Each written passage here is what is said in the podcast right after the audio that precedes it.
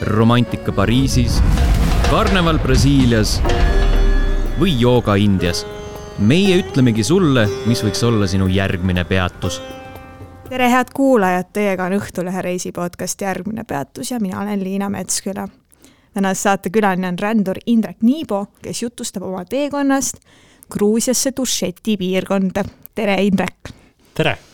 no enne kui Dušetisse läheme siis viimane kord, kui sa siin podcast'is olid, siis sa rääkisid, kuidas sa Kreekasse hääletasid. kas sa hääletasid ka Gruusiasse? Äh, Gruusiasse ma sel korral ei hääletanud, üks põhjus on ka selles, et äh, praegu on sõda ja tegelikult äh, kogu see piirkond seal ümber on üsna selline rahutu. nii et sellel korral ma lendasin, aga hääletanud olen ma vahepeal küll, mitte küll Gruusias, aga, aga teistes riikides aga kui me nüüd äh, räägime Gruusias seal sees ringi liikumisest, kas äh, on see sobiv koht, kus hääletada või pigem ei? ma arvan, et Gruusia on üks parimaid riike hääletamiseks, mul on, ma olen Gruusias hääletanud varem. Äh, ma tegelikult äh, tahtsin minna Türki ja siis ma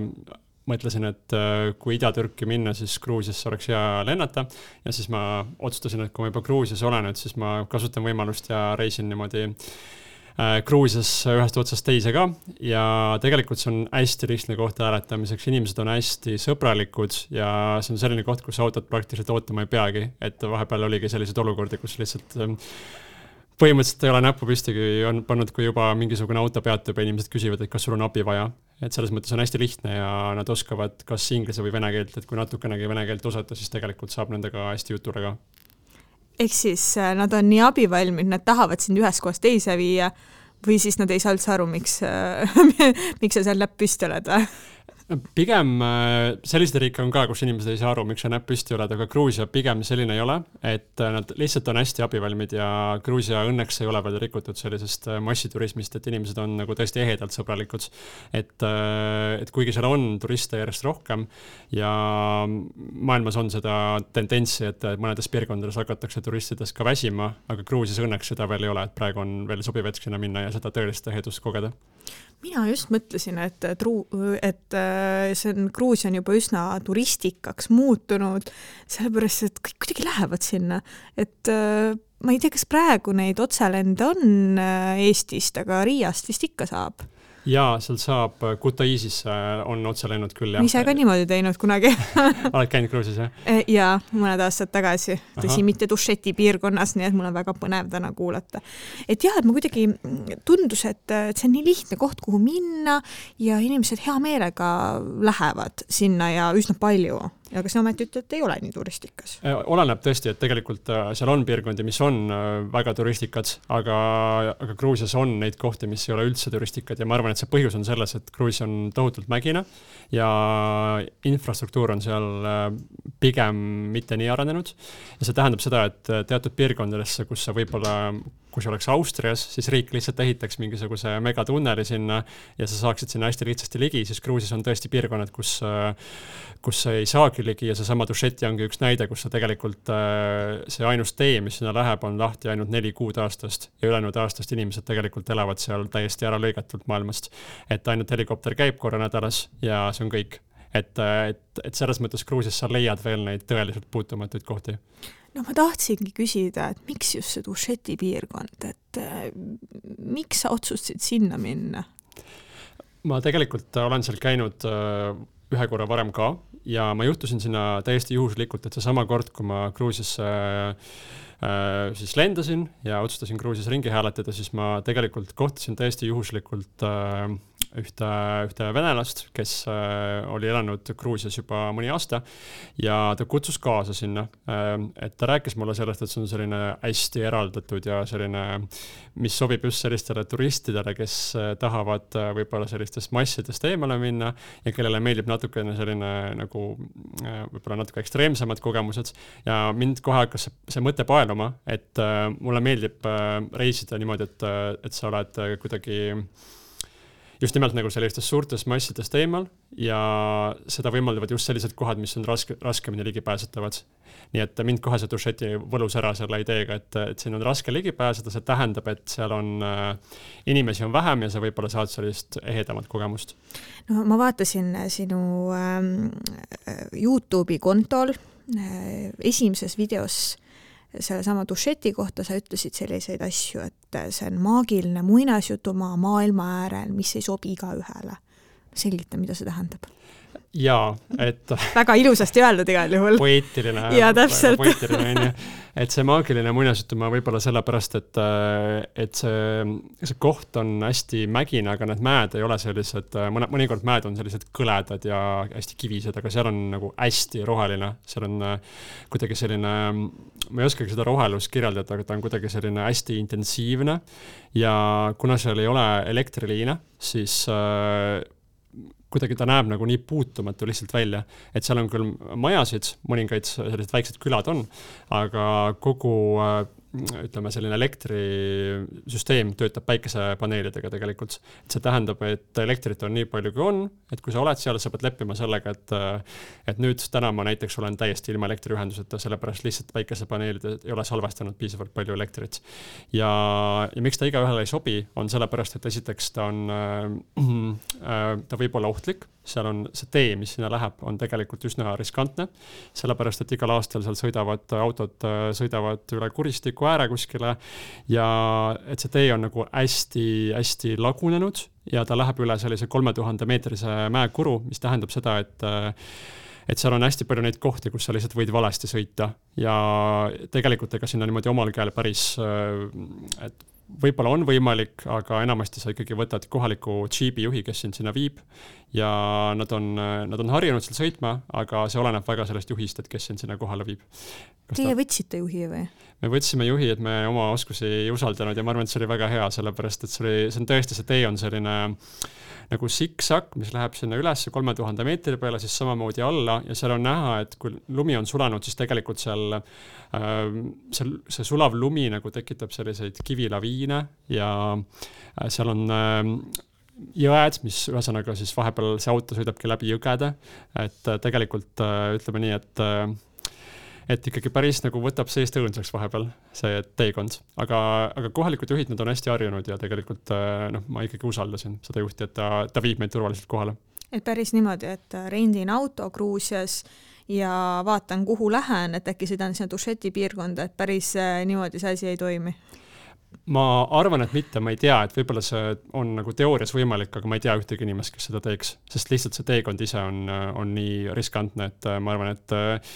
et oma mingite Eesti oskustega, kus meil on suur munamägi, ma arvan, et pigem, pigem vist soovitaks vahele jätta selle, jah. jah, suur munamägi seal Gruusia mägede kõrval ei, ei ole ju mitte midagi, eks ole. absoluutselt äh, kas ei olnud ka midagi sellist, et BBC andmetel on see maailma kõige ohtlikum tee, oli midagi taolist? jaa, BBC väidab seda ja seda ohtlikkust tegelikult äh, põhjustabki see, et seal on hästi muutlikud ilmaolud ja kuna see tee ei ole mm, väga hästi hooldatud, äh, seal on sellised suured nagu kivid, mis kukuvad kuskilt vahepeal alla ja siis, kui lumi sulab, siis äh, põhimõtteliselt seal võib see tee lihtsalt muutuda minutitega. et ühel hetkel sul on tee ja siis äh, viis minutit hiljem sealsamas kohas äh, põhimõtteliselt tee uhutakse lihtsalt ära. et see on see, mis selle ohtlikuks muudab, selline ettearvamatus. ja selle tõttu sinna ei olegi võimalik sõita alates oktoobrikuust kuni siis mai lõpuni, et sellel ajal on see tee täiesti suletud, isegi kohalikud, mitte keegi ei julge seda teed ette võtta, see on lihtsalt liiga ohtlik. Et seal on siis lumi või? seal on lumi, seal on hästi paks lumi ja lihtsalt see tee ei ole läbitav sisuliselt. et see tähendab seda, et need inimesed, kes seal elavad, nad on harjunud sellega, et äh, neid inimesi ei ole palju, kes seal elavad, aga kes jäävad sinna talveperioodiks, nad on harjunud sellega, et äh, nad veedavad siis seal terve talve ja sõltuvad siis sellest, et kui helikopter tuleb, siis toob neile süüa, keegi jääb haigeks, helikopter viib ta siis äh, pealinna, aga nad elavad seal nagu täiesti ära lõigatud muust maailmast, jah päris selline tõesti noh, maailma äärel tunne tekib, sa kuulates. Seal on maailma äärel tunne ja see, see maailma ääre tunne tekib ka tegelikult sellest, et äh, kuna ta on nii pikalt olnud eraldatud ülejäänud Gruusiast, et tegelikult seal teisel pool, Venemaa piir on tegelikult kohe sealsamas üle mägede. seal on ühel pool on Tšetšeenia, teisel pool on Dagestan ja tegelikult hästi nagu huvitav tunne oli, et sõda ju põhimõtteliselt noh, Venemaa on praegu agressorriik, aga seal tundus hästi turvaline, sellepärast et on igast küljest hästi kõrgete mägedega ümbritsetud, et selles mõttes ei olnud seda tunnet, et kohe nüüd, ma ei tea, Venemaa ründaks Gruusiat sealt kohast, et see on väga ebatõenäoline et need inimesed nagu elavadki kuidagi ühest küljest nagu hästi kaitstult seal, sest ta on lihtsalt nii eraldatud, et sinna on väga raske ligi pääseda. aga teisest küljest see eraldatus on põhjustanud seda, et, et inimesed on äh, Nad elavad täiesti nagu teistsugust elu, et väidetavalt on see äh, ainus siis piirkond kogu selles Kaukaasias, kus on säilinud paganlik usund äh,. et seal on tegelikult, on paganlikke templeid, sellised looduslikud mingisugused siis pühapaigad, et see kristlus ei ole sinna nagu täielikult ikkagi tänapäevani ka jõudnud. ja need karjused, kes seal elavad, need on tegelikult kohati ka sellised äh, nagu barbaarsed natukene, et seal on juhtunud igasuguseid olukordi, ma ise kuulsin, et paar aastat tagasi üks äh, karjus äh, läks tülli mingisuguse ameeriklasega ja siis see ameeriklane tapeti ära seal, et ma ei tea, mis see põhjus oli, aga ühesõnaga neil tekkis mingisugune kultuuriline konflikt siis seal.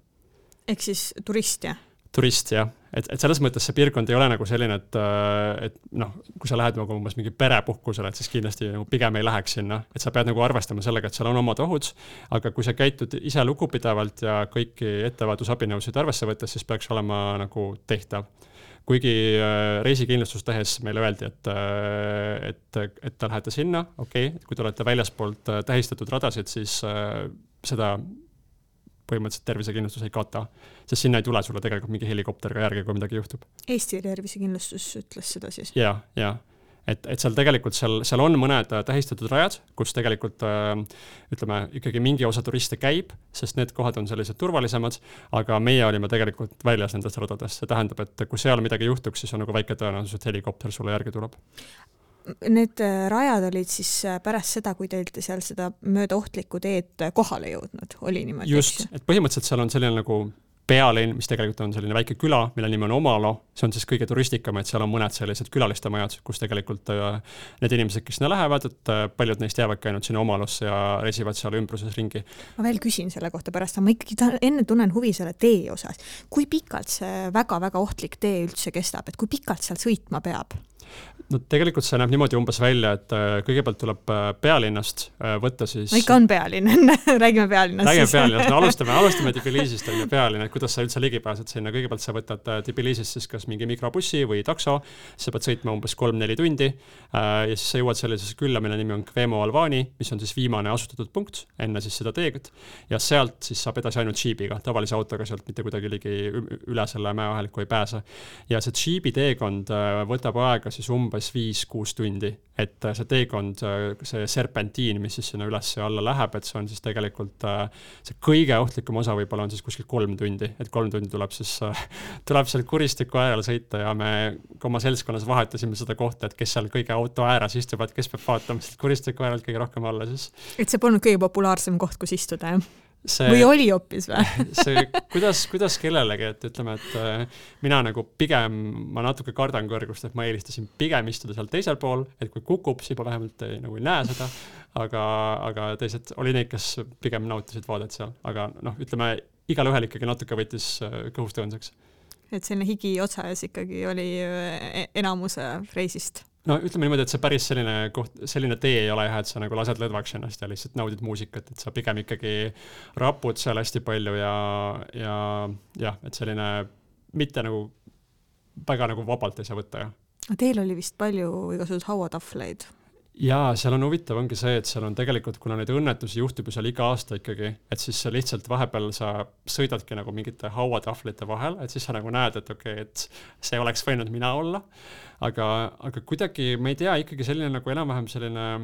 nagu usaldus on, sellepärast et äh, üldiselt need õnnetused juhtuvad siis, kui ilm on halb. aga meie sõitsime hästi ilusa päiksepaistelise ilmaga, et see tee oli nagu enam-vähem, lihtsalt kui hakkab vihma sadama, siis seal tekivad väga kiiresti äh,, teeolud võivad muutuda, aga antud hetkel meil nagu väga suurt hirmu ikkagi ei olnud aga tegelikult te ju ei teadnud ette, mis see ilm sel päeval on. Või ikkagi äh, see ilma, ilmaennustus on üsna kindel laks seal? ei, see ilmaennustus ei ole üldse kindel laks, sest äh, seal muutub ilm nagu põhimõtteliselt tundidega. Ja kui me läksime, siis me, ilmateade ütles, et meil sajab seitse päeva jutti lihtsalt järjest. Ja me olime arvestanud sellega, et äh, et halvimal juhul me lihtsalt näeme ainult pilvi ja udu, aga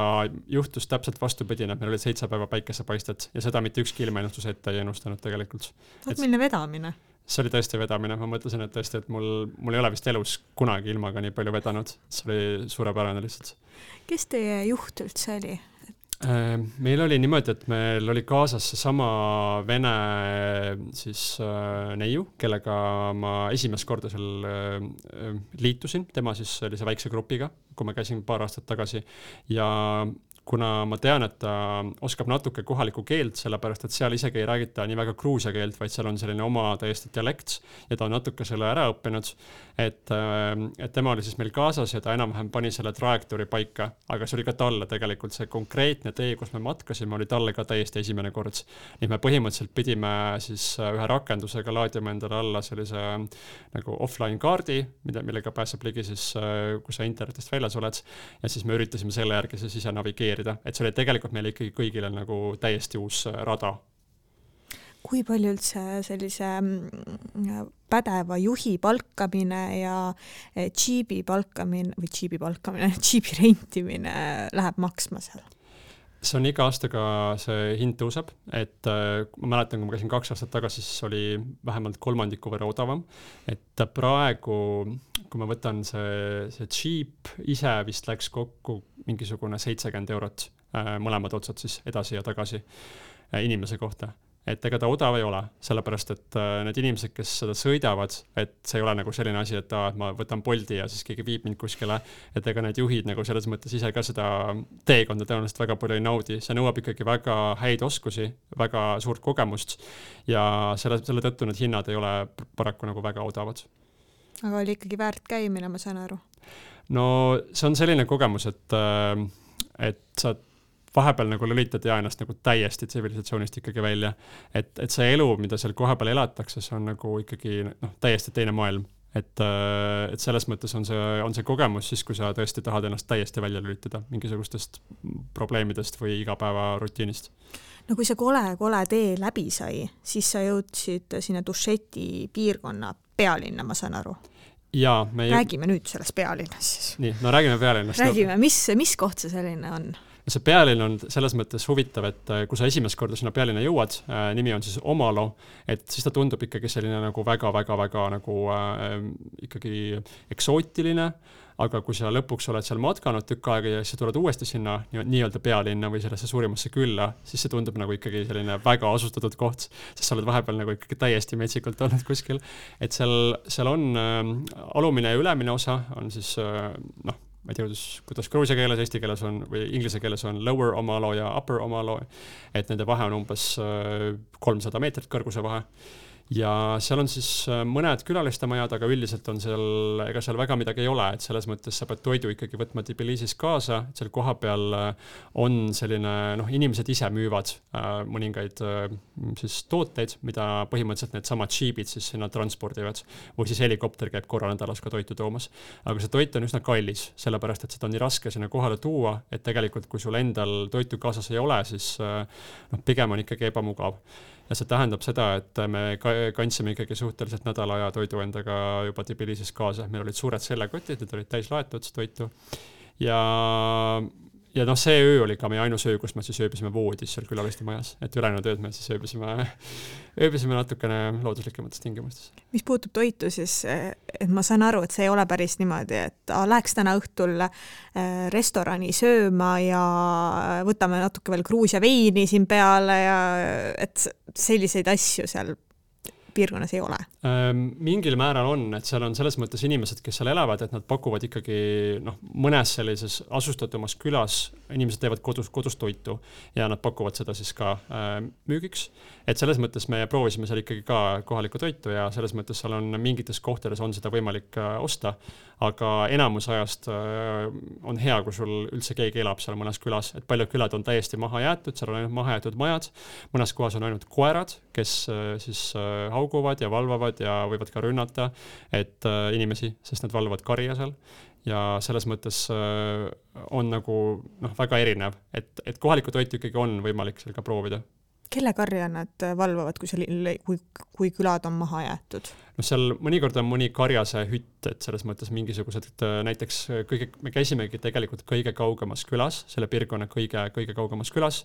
äh,, Indurtas, ja seal on ainult üks üksik karjuse hütt ja seal on siis äh, põhimõtteliselt sinna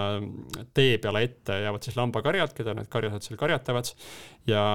koerad siis ei taha ühtegi inimest sinna lambakarja ligi, et nad on tegelikult treenitudki olema sellised agressiivsed, äh, vajadusel inimesi ründama. Ja kuna ma käisin nüüd teist korda seal, siis esimesel korral juhtuski olukord, kus koer ründas ühte liiget meie grupist ja ta, tal tekkis siis verejooks ja meil vedas, et me olime kohas, kus oli äh, telefonilevi ja me tellisime helikopteri talle, kes viis ta siis äh, helikopteriga Tbilisisse sealt. kuidas käib helikopteri tellimine? helikopteri tellimine, mina seda sellel hetkel ei tellinud, aga ma eeldan, et see käib niimoodi, et sa helistad äh, mingisugusesse päästeteenistusse ja ütled, et me oleme siin, meil on selline probleem ja siis helikopter lendab kohale Tbilisist et, äh, et üldiselt need koerad ei ründa, aga kui sa jääd nagu üksi kuskilt grupist maha, et siis nad tunnevad, äh, et nad võivad rünnata. kui sa oled suurema grupiga, siis nad üldjuhul ei julge tulla. see tundub kuidagi hästi hirmutav, et kõik koerad on siis, äh, kes seal on, on sellised nii-öelda verejanulised või? Nad, nad on otseselt äh, võib-olla noh, nende otsene eesmärk ei ole rünnata, aga nad tunnevad ennast ohustatuna, kui sa lambakarjale liiga lähedale lähed. ja sellepärast on, ähm, me tegime ka eeltööd, et me ei läinud sinna lihtsalt äh, nagu noh, lollina nagu, et lähme surema sinna või kuidagi, loomulikult kõigi meie eesmärk oli turvaliselt sealt kohale tulla pärast äh, tagasi Eestisse. ja selle tõttu me tegime päris korralikku eeltööd, et seal on tegelikult äh, need inimesed, kes äh, seal elavad äh,, neil on selles mõttes äh, noh, nad selgitavad, et, et kuidas seal tuleb käituda. Ja tegelikult äh, on nende koertega võimalik seal hakkama saada, et põhiline asi on see, et sa oled grupis äh,, et sa liigud kogu aeg koos grupiga, sa liigud koertest pidevalt ohutus kauguses, see tähendab, et sa liigud siis lambakarjas pidevalt ohutus kauguses. et sa pead vajadusel sealt teelt välja minema lihtsalt, isegi, isegi kui see kui see koht, kus sa pead välja minema, tundub nagu ohtlikum, ma ei tea, järsem või midagi, siis on, on või võimalik tõenäoliselt ikkagi ohutum, kui minna otse koerte koertekarja siis keskele. See on nüüd siis see hetk, kus see tervisekindlustus ei kehtinud, jah? see on see koht, kus see tervisekindlustus ei kehtinud, et, et tegelikult kuna mina käisin seal juba teist korda, siis ma olin ausalt öeldes nende koertega natukene rohkem harjunud, et ma teadsin, et, et need koerad nagu üldjuhul ei ründa, kui sa oled grupis, siis nad tegelikult ei ründa. aga need, kes olid esimest korda, et nad olid ikkagi üsna äh, nagu, et need koerad nagu, nad lihtsalt nagu oma hääle ja sellise olekuga, nad näevad väga hirmuäratavad välja aga keegi, ükski koer ei teinud katset, et hakkab ründama teid? Sellel korral mitte, me olime üsna, üsna selles mõttes äh, hästi ette valmistanud, et äh, me läksime pidevalt, hoidsime ohutut kaugust koertest. ükskord oli, kui meil oli ainus võimalik tee läks läbi koertekarja ja seal, või noh, koertekarja, kolm koera. ja seal oli mingi mahajäetud küla ja sealt lihtsalt ei olnud ühtegi teist kohta, kust läbi minna, aga siis me kuidagi toiduga suutsime need koerad äh, ohjeldada. et me viskasime neile toitu ja siis läksime kiiresti mööda sealt lihtsalt mahajäetud küla ehk siis stiilis mingi üks hütt? Seal oli või... tegelikult äh, mitte hütid, seal ei olnud isegi ühtegi hütti, ma ei saanud aru, mida need koerad tegid seal ausalt öeldes. et seal ei olnud nagu ühtegi hütti, seal ei tundunud, me, me ööbisime selle küla ääres ja seal ei tundunud ei õhtul ega hommikul mitte ühtegi inimest, et ma ei saanud aru, mida need koerad tegid seal täpsemalt. Äh, võib-olla siis äh, oli mingisugune olukord, et inimesed olid lahkunud sealt külast mingil põhjusel, koerad olid maha jäetud, et see oleks minu teooria, miks need koerad seal olid aga seal olid jah, mahajäetud majad, et seal ei tundunud, et keegi oleks hiljuti seal elanud ausalt öeldes. ei tea, kuidas siis koerad süüa said? jah, hea küsimus, võib-olla seal on siis ikkagi mingi karjane, kes kuskil seal läheduses liigub või on, et ma ei oska ka täpselt öelda selle kohta. kus kohas te seal ööbisite, sa ütlesid, et sa seal lähedal ööbisid? me ööbisime telgis tegelikult, meil olid, meil olid telgid ja koertekarja kõrval meil ei olnud muud valikut, sest me olime tegelikult äh, hakanud tõusma ülesse äh, siis äh, sinna mäekuru äh, peale ja seal oli selline koht, kus äh, oli hästi järsk, et põhimõtteliselt ega sa ei saa telki ka igale poole panna, et selles mõttes äh, sa pead leidma koha, mis on nagu võrdlemisi tasane ja see tundus tõesti nagu viimane koht, kus enam-vähem on meil võimalik telki panna. ja siis me üritasime hoida sellist enam-vähem ohutut distantsi koertest seal ma kujutan ette, et, et muidu võib päris, kui need koerad kõrvale jätta, siis päris ilus koht, kus telkida tõused hommikul üles, imelised vaated mägedele ja kõik sellised jutud. ja ma ei taha üldse nagu jätta sellist muljet, et see koht on mingisugune kannatuste rada et.... ei, minu meelest see tundub megapõnev koht olevat ja ma lihtsalt mõtlesin, et võib-olla jäi nagu jutust see mulje, et on, kõigepealt on mingisugune hästi ohtlik tee, kus sa võid kuristikku kukkuda, siis on mingid koerad, et tegelikult see kõik on nagu see taustaasi seal, millega sa tuled toime, kui sa, kui sa ikkagi kasutad mõistust ja sa oled, kõige olulisem on ettevalmistus. ja kui see on tehtud, siis tõesti, nagu sa ütlesid, et seal on väga ilus, need mäed on tõesti nagu, nad ei ole nagu, nad ei meenuta mulle Alpe, nad ei meenuta mulle mingit, mingisuguseid teisi mägesid, kus ma olen käinud, nad on lihtsalt nagu, nad on nii ilusad. Ja just nagu sa ütlesid, et sa teed hommikul telgi ukse lahti ja sa oled nagu mingis paradiisis lihtsalt, et sulle vaatavad vastu nagu mingisugused meeletult ilusad vaated. Hästi-hästi palju rohelust, kui sa oled natuke madalamal, siis lilled ja selline tohutu nagu rahu, et seal ei ole, no mitte midagi ei ole ümber lihtsalt, et see ongi nagu täiesti täielik rahu, et selles mõttes on ta küll nagu väga paradiislik koht. sa ütlesid, et äh, vajalik on ettevalmistus. mis tüüpi ettevalmistus on vajalik, mida peab tegema enne sinna minekut? Põhiline on, peab lugema palju, sellepärast et see koht ei ole selline, et sa lähed ja võtad lihtsalt seljakoti ja hakkad matkama, et äh, üks asi ongi see, et, äh, et see põhiline oht ongi need koerad seal tegelikult. et sa pead teadma, kuidas nende koertega käituda ja kuidas äh, vältida seda, et koerad hammustavad sind. ja teine asi on see, et kui me läksime, siis lumi oli just sulanud, kuigi tegelikult oli juuni lõpp juba, aga seal sulabki lumi hästi hilja ja seal olid jõed, mis on hästi-hästi-hästi kiired ja me pidime neid jõgesid kuidagi ületama, aga meil ei olnud täpselt ettekujutust, kuidas. et äh, see teekond, mis läks meil siis esimene esimene päev, kui me matkasime, me pidime ületama seitse jõge ja need jõed olid kõik erineva laiusega, erineva sügavusega, erineva voolukiirusega ja ühte jõge me ületasime hobustega, me leidsime ühe kohaliku karjase, kes viis meid hobustega üle jõe, et muud moodi sealt ei olekski saanud tegelikult, sest see jõgi oli lihtsalt liiga, liiga kiire, et jala ületada. aga ülejäänud jõgesid äh, tuli siis kuidagi, kuidagi jala ületada seal, et ka nad on ka üsna ohtlikud, sest seal on äh, hästi, nad on hästi külmad, et seal on lumi sulanud just. Ja see vool on tõesti nagu nii kiire, et, äh, et sa pead hästi ettevaatlikult ületama neid. et me lihtsalt eeltööna põhimõtteliselt äh, lugesime selle kohta, et kuidas jõgesid ületada ja, ja põhimõtteliselt, äh, et sa pead lihtsalt olema nagu valmis selleks, et sa ei tee mingisuguseid ootamatuid asju, et sa ei mõtle, et ah, ma nüüd olen hullult hulljulge ja teen seda. et kui sa tahad sealt turvaliselt tagasi tulla, siis sa pead lihtsalt äh, äh olema ettevaatlik, hoidma grupiga kokku ja see on kõige olulisem no ma olen siin sinu jutust korjanud välja vist kolm sellist ohtlikku asja. esiteks see tee, koerad ja siis need kiirevoolulised jõed, kas on veel midagi sellist, mis on väga oluline, mida jälgida, et sa ennast ohtu ei paneks seal? Jaa, üks asi on, on lihtsalt äh, respekt äh, kohaliku äh, kultuuri ja inimeste suhtes, et see on reisi jooksul üldse kõige olulisem asi võib-olla, et kui sa reisid, siis sa oled külaline. et ma olen alati enda jaoks nagu mõtestanud selle, et kui sa reisid, siis sina teed märkmeid, sa ei lähe vaidlema kuskile kellegagi. ja noh, näiteks, et seal piirkonnas on endiselt tegelikult äh, toimub loomu ohverdamist mis tähendab seda, et ma ei lähe elu sees kellegagi vaidlema, et oi, see on halb või niimoodi ei tehta, et see on nende kultuur, kui mulle ei meeldi see, siis ma olen külaline ja ma vaatan, või mitte vaata seda, aga ühesõnaga aktsepteerin, et see on lihtsalt seal. ja ma arvan, et see konflikt, mis seal üks aasta tekkis selle Ameerika turisti ja kohaliku karjase vahel, tuligi sellest, et äh, tõenäoliselt äh, nii palju, kui ma olen lugenud selle kohta, siis see ameeriklane hakkas oma vaateid peale suruma ja need kohalikud inimesed ei taha seda, näiteks üks reegel on see, et sinna piirkonda ei tohi sealiha kaasa võtta. Äh, et sul kotis ei tohi olla ka mingit vorsti, mis on tehtud sealihast. seda me teadsime ette ja me jälgisime, et kui me ostame midagi, siis me veendume, et see ei oleks sealiha et äh, põhjus on selles, et nad ei ole moslemid, aga seal kohe üle mägede asub äh, Tšetšeenia, mis on siis islamiusuline piirkond Venemaal ja tõenäoliselt see mõjutus on tulnud siis üle, üle sinna Dušetisse. ja see on neile väga-väga oluline, et sa ei söö sealiha mis puutub ohverdamistesse, juhtusite te nägema seal mõnda? Me ei juhtunud äh, nägema ja seda on tegelikult seal ka väga, väga väheks jäänud, et seda ikkagi niimoodi nagu väga ei näe, aga seal on teatud, äh, et seda ikkagi väidetavalt toimub seal. ja see siis, äh, see venelane, kellega me reisisime, tema ütles, et noh, et ta on sellega kokku puutunud mingil määral. ja seal on ka teatud sellised need paganlikud pühamud, kus on väga kindlad reeglid, et teatud kohtadest ei tohi näiteks naised läbi minna, tohivad ainult mehed või, või, või siis vastupidi. et nendega tuleb arvestada arvestada seal ja kuna meil õnneks oli kaasas inimene, kes natukene teadis neid asju, et siis meil oli natuke lihtsam seda jälgida. milline on inimeste elu sealkandis? noh, kui me räägime tõesti stiilis elekter äh,, igasugune infrastruktuur, poed,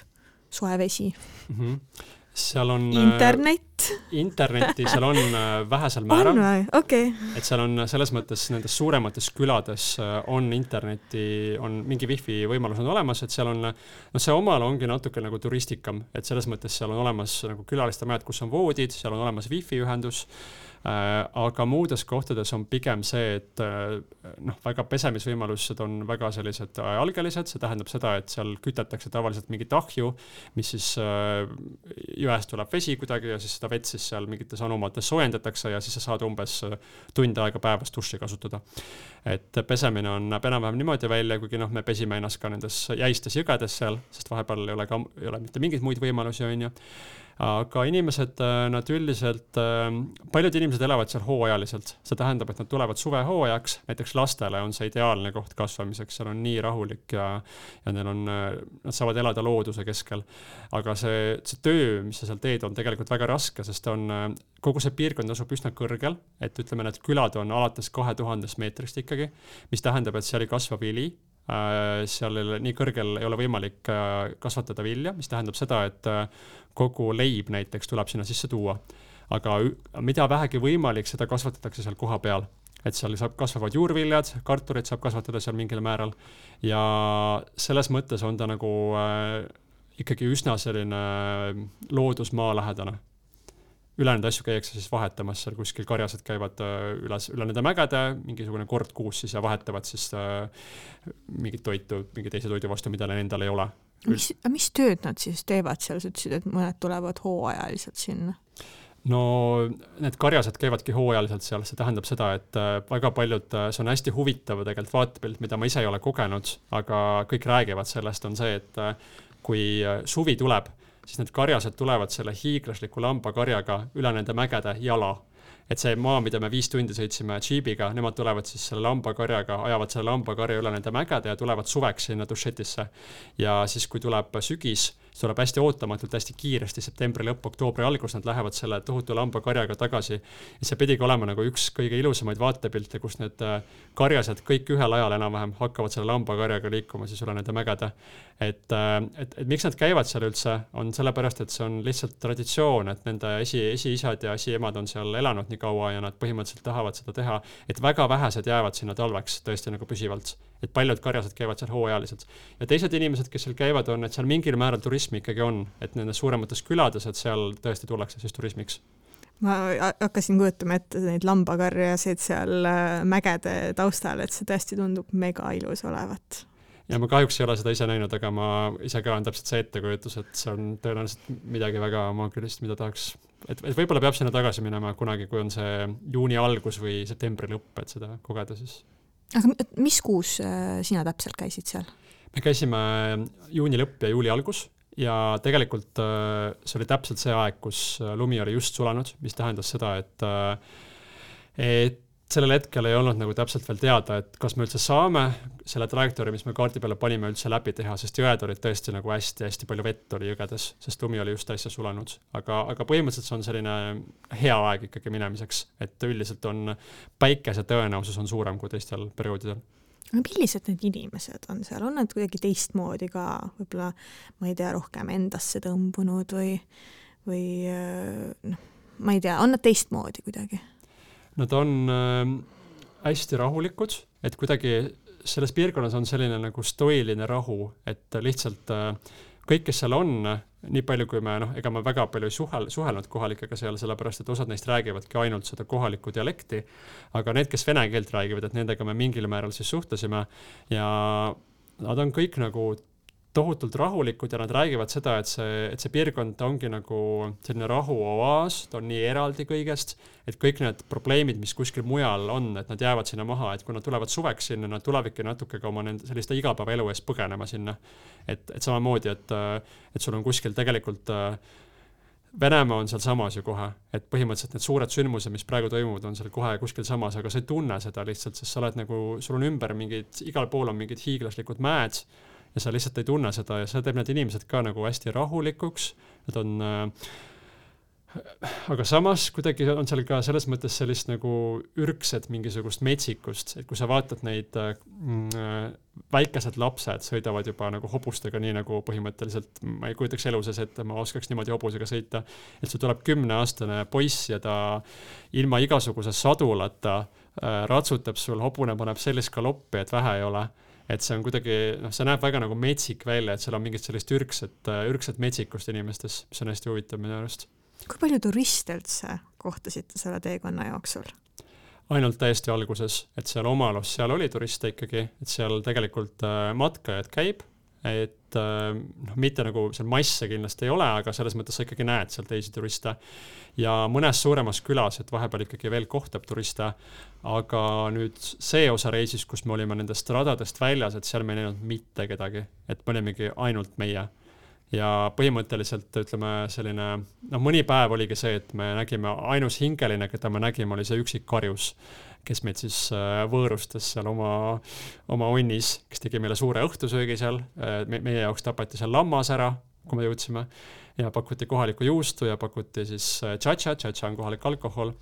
Et nad on hästi külalislahked, aga, aga ütleme, et, et seal on võimalik matkata, tegelikult sa võid vabalt mingi nädal aega matkata, nii et sa ei näe mitte kedagi. Milline see karjuse õnn oli, mis seal, mis seal oli või mida, või mis seal ei olnud hoopis?